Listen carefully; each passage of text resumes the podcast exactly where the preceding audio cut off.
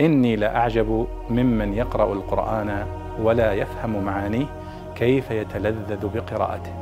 كيف يتلذذ بقراءته. حساب أمجاد في تويتر يسأل عن قوله تعالى والله أعلم بما يوعون في سورة الانشقاق.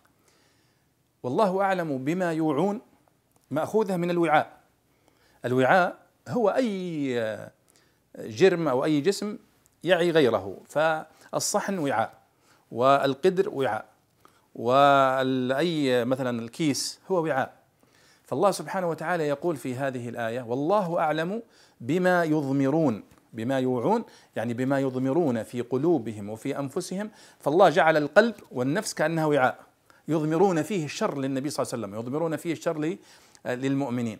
فالله سبحانه وتعالى يهددهم بأنه أعلم بما يوعون وبما يضمرون في نفوسهم من الحقد من المكر من العداء للدعوة وللنبي صلى الله عليه وسلم. فيتعددهم فيتهددهم سبحانه وتعالى بذلك. فالله أعلم بما يوعون بما يضمرون في نفوسهم.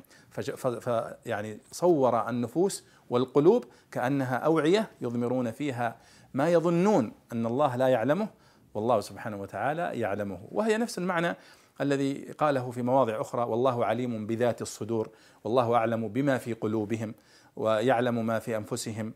آه، وقوله في مواضع كثيرة تؤكد هذا المعنى أن الله يعلم ما يخفي الناس في صدورهم ويكشفه ويعلمه سبحانه وتعالى. وكل هذا من باب التهديد والوعيد للمكذبين والله أعلم.